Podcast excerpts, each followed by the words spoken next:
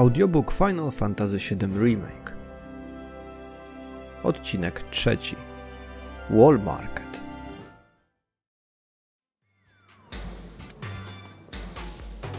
Welcome to Wall Market, the pleasure capital of Midgar that's got everything for everybody.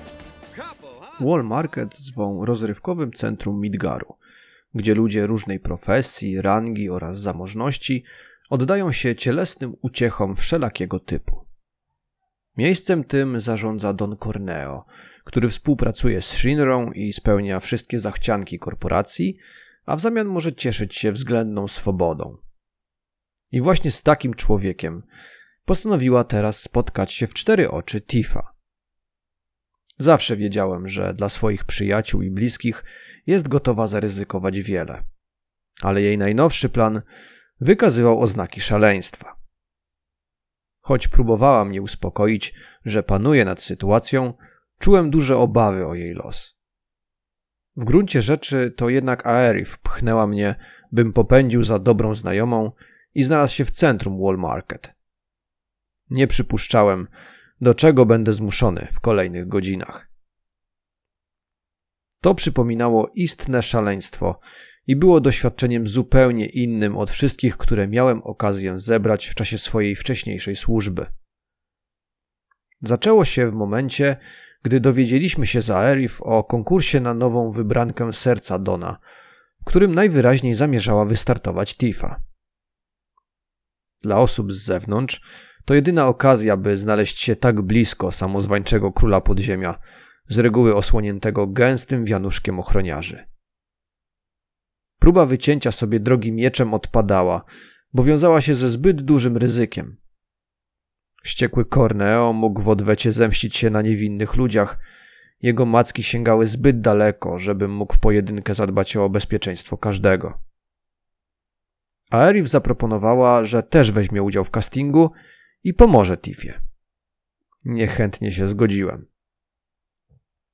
W ten sposób poznałem trio z Wall Market, które stanowi pierwszą selekcję kandydatek. Chocobo sam wystawił Tiffę, więc na jego wsparcie nie mogliśmy liczyć. Andrea Rodea z Honeybee Inn nie miał czasu na spotkania z przypadkowymi nieznajomymi. Została nam więc tylko prowadząca salon masażu dłoni Madame M. Lokal znajdował się nieco na uboczu. Jakby próbował uciec przed oślepiającymi światłami neonów i zgiełkiem barowych rozmów. This must be the place. Gdy się jednak lepiej zastanowić, ta lokalizacja dużo lepiej pasowała do przybytku, w którym klienci mieli się relaksować. Welcome, welcome. Just the two of you? Step right up. Now then, what manner of massage do you desire? Właścicielka była nietuzinkową personą. Początkowo zirytowana naszym zapytaniem i niechętna pomóc, nagle zaciekawiła się mną i zgodziła przemyśleć kandydaturę Aerif. Miała jednak kilka warunków. Najpierw wyciągnęła ze mnie kilka tysięcy Jill na dość bolesny masaż, który okazał się wyjątkowo korzystnie wpływać na ścięgna ręki.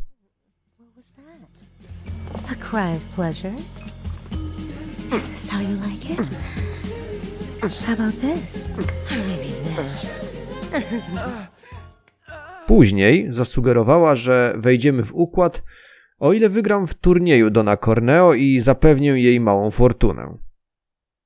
Nie było innego wyjścia. Musiałem się zgodzić. I tak, wraz z Aerif, która wymogła zgłoszenie nas w duecie, zapisaliśmy się w annałach historii Wall Market.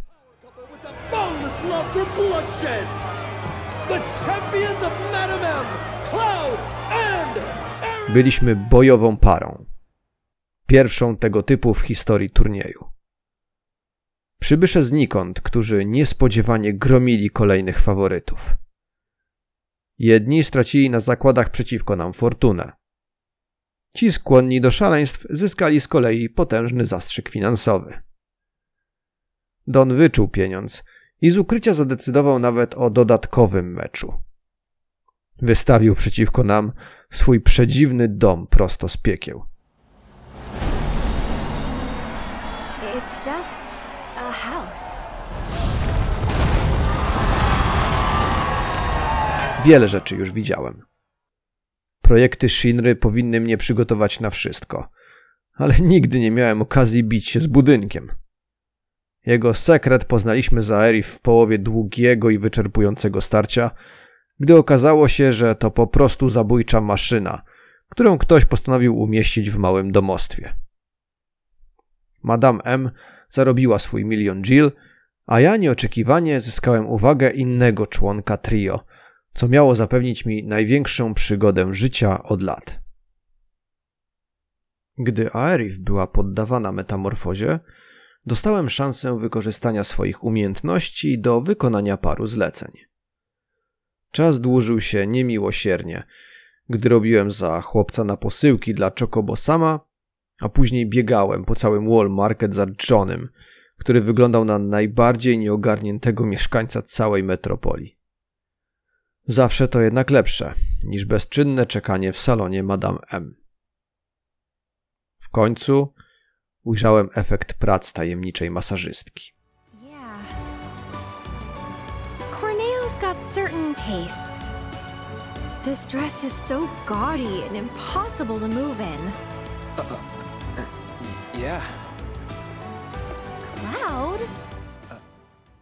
Ta skromna Aerith, teraz ubrana w krwisto-czerwoną suknię z licznymi falbanami u dołu, ze swoimi pięknymi, długimi włosami, które tworzyły cudowne, hipnotyzujące fale, wywoływała furorę.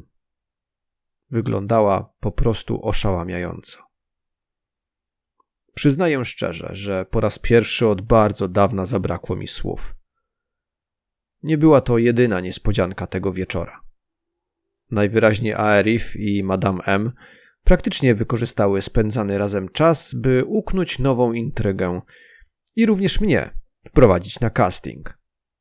Tak, sam również nie mogę w to uwierzyć, ale skończyłem paradując w długiej do ziemi sukni z rogówką, z gustownym wisiorem pod szyją, przypiętymi blond włosami z tyłu i dyskretnym makijażem na twarzy.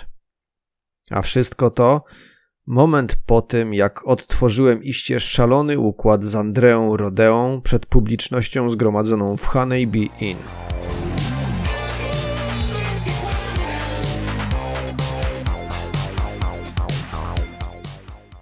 Obym nigdy więcej nie musiał tego powtarzać. Cel uświęca środki, więc zagryzłem mocno zęby i wraz z Aerif udałem się na casting do rezydencji Dona. Plan zakładał szybkie wyciągnięcie Tify i ucieczkę. Ale przyjaciółka stanowczo odmówiła, gdy już się zobaczyliśmy. Corneo posiadał podobnież bardzo cenne informacje. Dodatkowo od dłuższego czasu kręcił się w pobliżu Avalanche, więc spotkanie z nim było koniecznością. Casting musiał odbyć się zgodnie z planem. Sam nie wiem, czy powinienem się cieszyć, czy zacząć może poważnie analizować temat, ale ostatecznie to ja wylądowałem wtedy w sypialni Dona. No need to play coy. Nobody here but you and me. Oh, you're even cuter than I thought. Back off. Ooh. obok obleśnego grubasa o wybujałym ego i perwersyjnych skłonnościach. Starałem się jak najdłużej utrzymać nerwy na wodzy, zastanawiając się, jak podejść kryminalistę, gdy do środka wpadły Tifa i Arif, które uporały się właśnie z jego strażnikami. Nowiny okazały się gorsze od tych, które Tifa zakładała w najczarniejszych scenariuszach. Shinra miała dość pogrywania z Avalanche i planowała raz na zawsze rozwiązać ten problem. Odpowiednia manipulacja informacją i drastyczny krok miały wystarczyć. Korporacja planowała zrzucić płytę sektora siódmego na slumsy, zabijając tysiące mieszkańców miasta. A potem o wszystko obwinić buntowników, którzy rzekomo nie cofną się przed niczym w swojej niczym nieuzasadnionej walce. Oszołomieni odpowiedzią Dona Corneo, Opuściliśmy gardę i wpadliśmy w jego pułapkę. Z triumfem na twarzy pociągnął wajchę i zrzucił nas do kanałów, gdzie już czekał jego pupilek, bestia Abzu, która nie tylko dysponuje potężną siłą, ale potrafi również kontrolować wodę za pomocą magicznych mocy.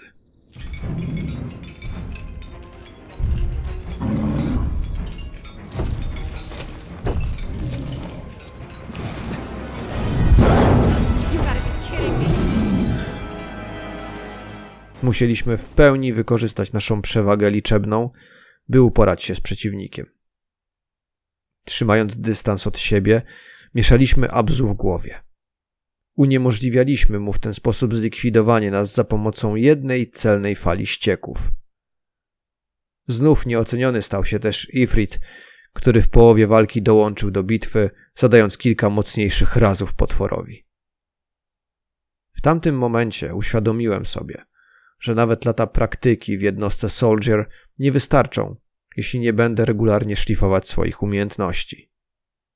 Na każdym kroku czekały coraz trudniejsze wyzwania. Kolejne były właśnie przed nami. Abzu uciekł po otrzymaniu większych obrażeń. Pozostawił nas samych sobie w cuchnącym i odstręczającym obszarze pod powierzchnią slumsów.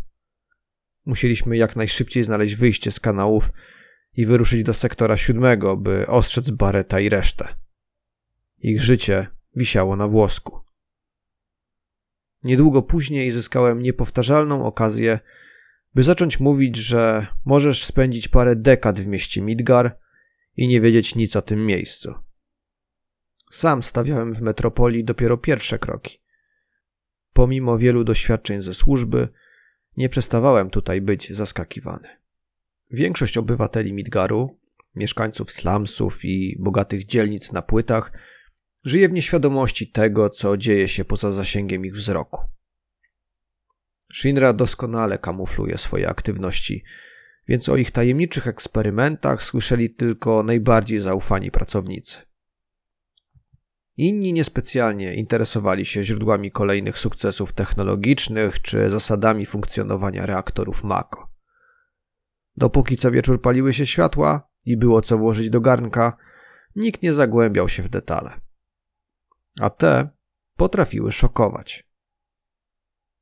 Gdy wraz z Tifą i Aerif wydostaliśmy się z kanałów, byliśmy nadal kawał drogi od sektora siódmego. Najszybsza droga prowadziła przez obszar otoczony wieloma legendami. Cmentarzysko pociągów, gdzie rzekomo od lat straszy. Tifa wspomniała o kilku historiach, przy których zwykłym ludziom włosy jeżą się na głowie. Nie mieliśmy jednak specjalnie wyboru. Wobec zagrożenia tragedią musieliśmy przeć naprzód.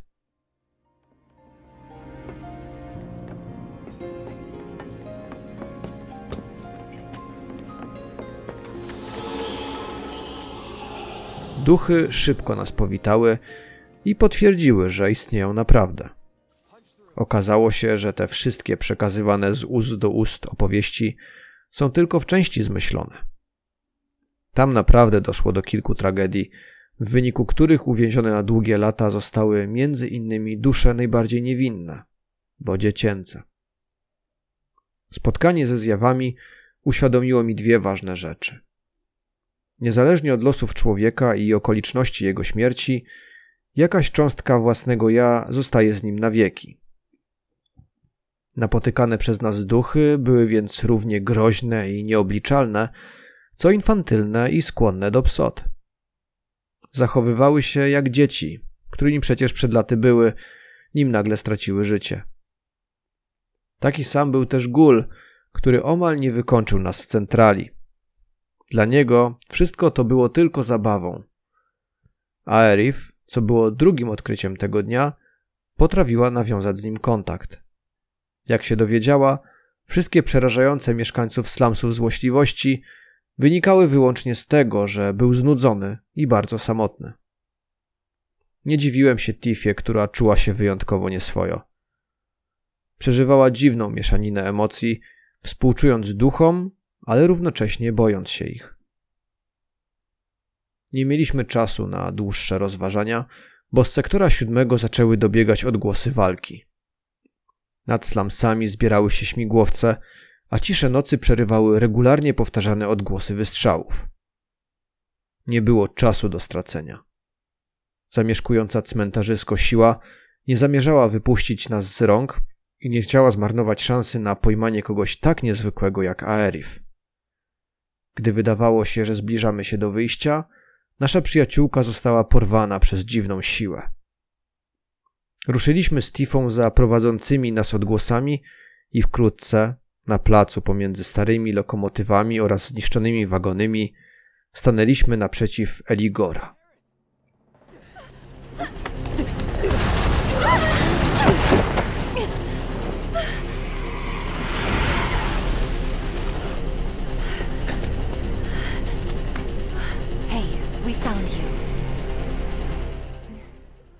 Przypominająca żniwiarza istota zasiadała w rydwanie, który z łatwością osiągał duże prędkości i bez problemu mógł oderwać się od ziemi.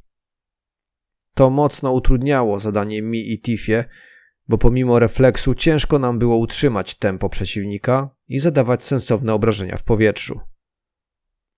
W tej bitwie kluczowa była rola Aerif, która mogła razić Eligora magicznymi pociskami. Wziąłem na siebie zadanie leczenia, a jej pozwoliłem przejąć rolę ofensywną. Pole walki nauczyło mnie przed laty, że sztywno przypisane zadania rzadko kiedy się sprawdzają. Sytuacja zmienia się zbyt dynamicznie i trzeba umieć się dostosować. Wraz z ostatnim skutecznym atakiem zjawa zaskowyczała, odchodząc w niebyt. Okazało się, że to jej moc więziła na ziemskim padole dusze tych wszystkich dzieci. Teraz mogły udać się na zasłużony odpoczynek. Ktoś mógłby pomyśleć, że to anomalia. Odosobniony przypadek miejsca, w którym dziwna moc wykorzystała ludzką tragedię. W Midgarze śmierć nie jest niecodzienna. Każdego dnia stykają się z nią różni ludzie. Dzieci tracą rodziców w wypadkach czy też rabunkach. Dorośli żegnają wieloletnich przyjaciół i bliskich, którzy odeszli przedwcześnie lub z przyczyn naturalnych, kończąc długą walkę o lepszy los. Śmierć jest sprawiedliwa, bo nie oszczędza nikogo. Równie często nawiedza slumsy, co luksusowe osiedla na płytach. Na dole towarzyszą jej głód i choroby. Na górze wyczerpanie fizyczne lub psychiczne. Wiele osób nie zdaje sobie z tego sprawy, ale nie wszyscy traktują śmierć z równym szacunkiem. Dla Shinry umierający mieszkańcy i ginący pracownicy to tylko zmieniające się cyferki w arkuszach danych. Mały koszt postępu i szalonych dążeń do stworzenia świata, który wymarzyło sobie paru notabli. Tylko wchodząc do wnętrza bestii, można się o tym przekonać. Niewielu później wraca, by opowiedzieć o tym innym. A teraz, kolejny raz z bliska widzę, jak ta wielka i zamożna korporacja poświęca tysiące istnień, by zrealizować błahy polityczny cel. Wiele przeżyłem podczas swojej służby jako soldier. Shinra już wtedy lekceważyła znaczenie życia ludzkiego, ale nie pamiętam, czy kiedykolwiek jej ignorancja osiągnęła taką skalę. Zrzucenie całej płyty na slamsy sektora siódmego, by tylko raz na zawsze uporać się z problemem avalanche, było niczym nieuzasadnione. Miałem więc przynajmniej kilka powodów, by wraz z Tifą i Aerif nie dopuścić do tragedii. Marsz przez cmentarzysko i liczne potyczki z duchami opóźniły nas wystarczająco, by pod podstawę filara dotrzeć, gdy walka trwała już na dobre.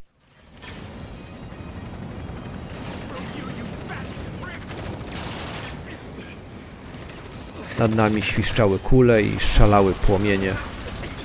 Śmigłowce rozświetlały mrok snopami światła z lamp, polując na garstkę bojowników, którzy stanęli do nierównej walki. Nie było czasu do stracenia. Ranny Wedge po upadku z kilku metrów wyglądał kiepsko, więc zostawiłem z nim swoje towarzyszki, a sam pomknąłem na górę, by wesprzeć Bareta. Shinra nie żartowała i nie szczędziła środków, by zrealizować morderczy plan. Na miejsce wysłano wiele drogich maszyn i żołnierzy wyposażonych w nowoczesny ekwipunek.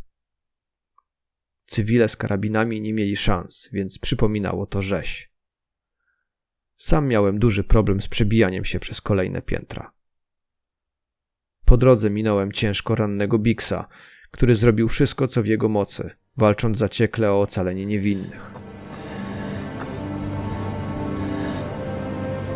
Good luck, Cloud. Our future is in your hands. Wyżej czekali na mnie znajomi Starksów, których obecność ostatecznie potwierdziła przypuszczenia. Shinra nie zamierzała się wahać i nie dopuszczała myśli, że plan wysadzenia filara może zakończyć się niepowodzeniem. Przygwożdżony ogniem ze śmigłowca, czekałem na moment do kontrataku, gdy nagle zauważyłem wbiegającą po schodach Tifę.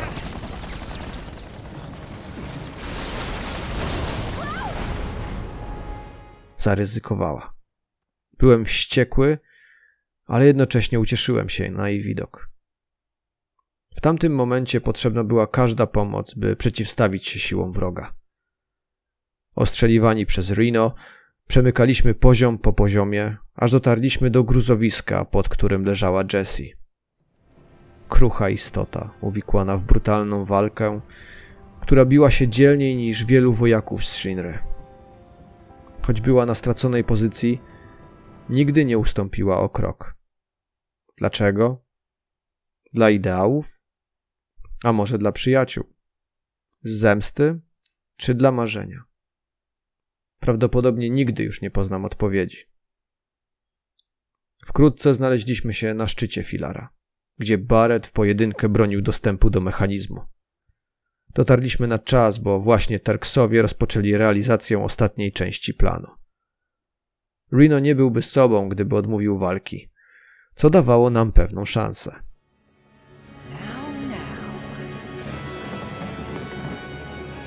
Choć mieliśmy przewagę liczebną, musieliśmy bardzo uważać.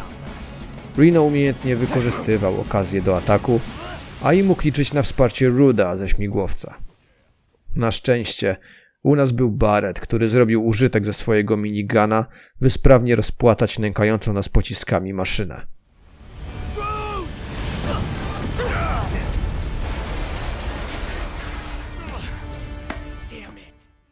Wtedy pojedynek nieco się wyrównał, bo na placu boju znalazł się dotychczas pilotujący maszynę agent Shinry.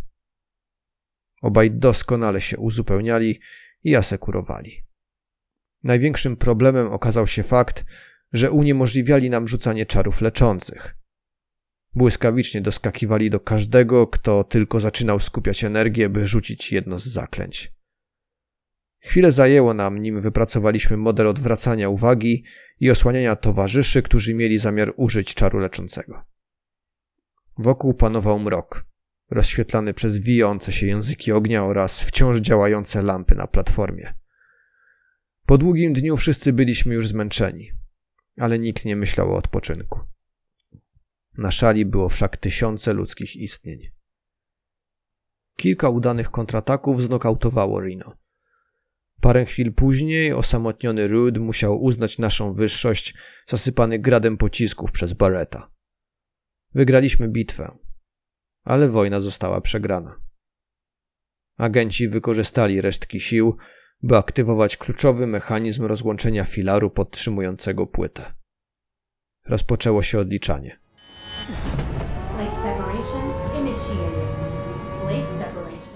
Sekundy upływały błyskawicznie, przybliżając nadejście katastrofy.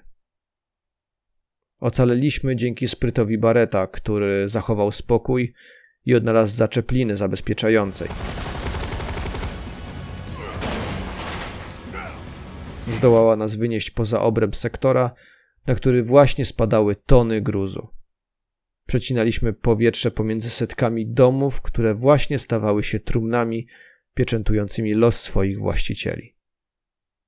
Avalanche nie doceniło przeciwnika? Sam nigdy bym nie przypuszczał, choć poznałem wiele makabrycznych sekretów Shinry, że korporacja będzie zdolna do takich czynów. Stojąc pośrodku gruzowiska, musieliśmy odnaleźć sobie na nowo siłę, by kontynuować tę nierówną walkę. Najważniejsza jednak była odpowiedź na jedno pytanie. Czy Aerith zdołała uciec z terenu sektora z Marlin? Dziękuję za wysłuchanie trzeciego odcinka audiobooka z Final Fantasy VII Remake. Jeśli podobało Ci się to słuchowisko, rzuć okiem na wcześniejsze materiały z serii, w których opowiedziałem historię z gier Red Dead Redemption 2, Need for Speed Most Wanted czy Resident Evil 2. Więcej materiałów w formie pisanej znajdziesz na blogu gralingrad.pl. Dzięki za uwagę i wszystkie oceny, uwagi oraz komentarze. Do usłyszenia wkrótce przy okazji kolejnego materiału opowiadającego o losach Clouda i spółki. Cześć!